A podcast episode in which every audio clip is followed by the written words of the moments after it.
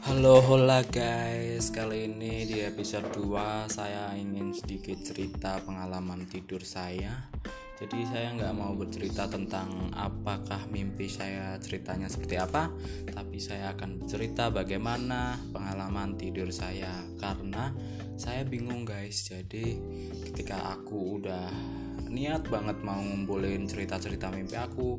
Akhir-akhir ini waktu tidur eh malah mimpinya itu terlalu banyak. Jadi kok saya jadi pusing sendiri. Jadi uh, saya tidur malamnya itu udah mimpi. Beberapa cerita udah masuk dalam mimpi saya.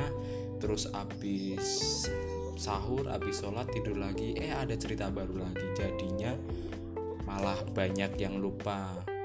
Dan ceritanya tuh dalam satu tidur ceritanya bisa jadi beberapa cerita gitu. Jadi ketika aku udah coba ingat-ingat bisa waktu mau tidurnya lagi. Tapi eh tahu-taunya lupa lagi karena ya memang namanya mimpi. Uh, ada penelitian mengatakan mimpi itu uh, sangat susah diingat ya guys. Tapi kalau mungkin aja kalau ceritanya cuma satu atau dua cerita dalam satu tidur mungkin mudah ya. Lah ini tuh bisa kayak lima cerita tuh bisa masuk dalam satu tidur gitu loh guys. Jadi kayaknya kok susah banget gitu kalau mau diingat-ingat.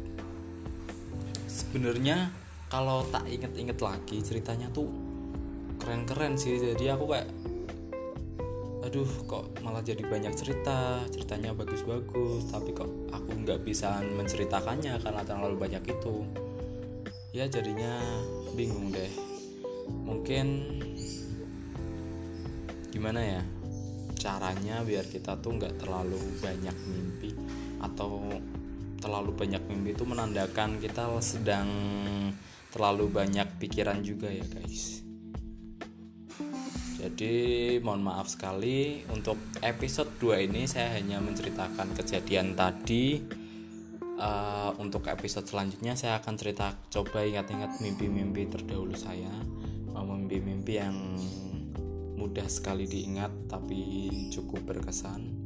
Mimpi-mimpi yang lain nanti bisa saya ceritakan lagi.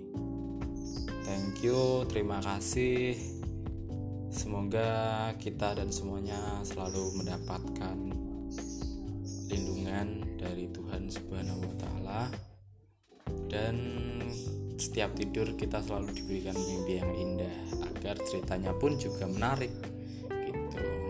kasih. Bye.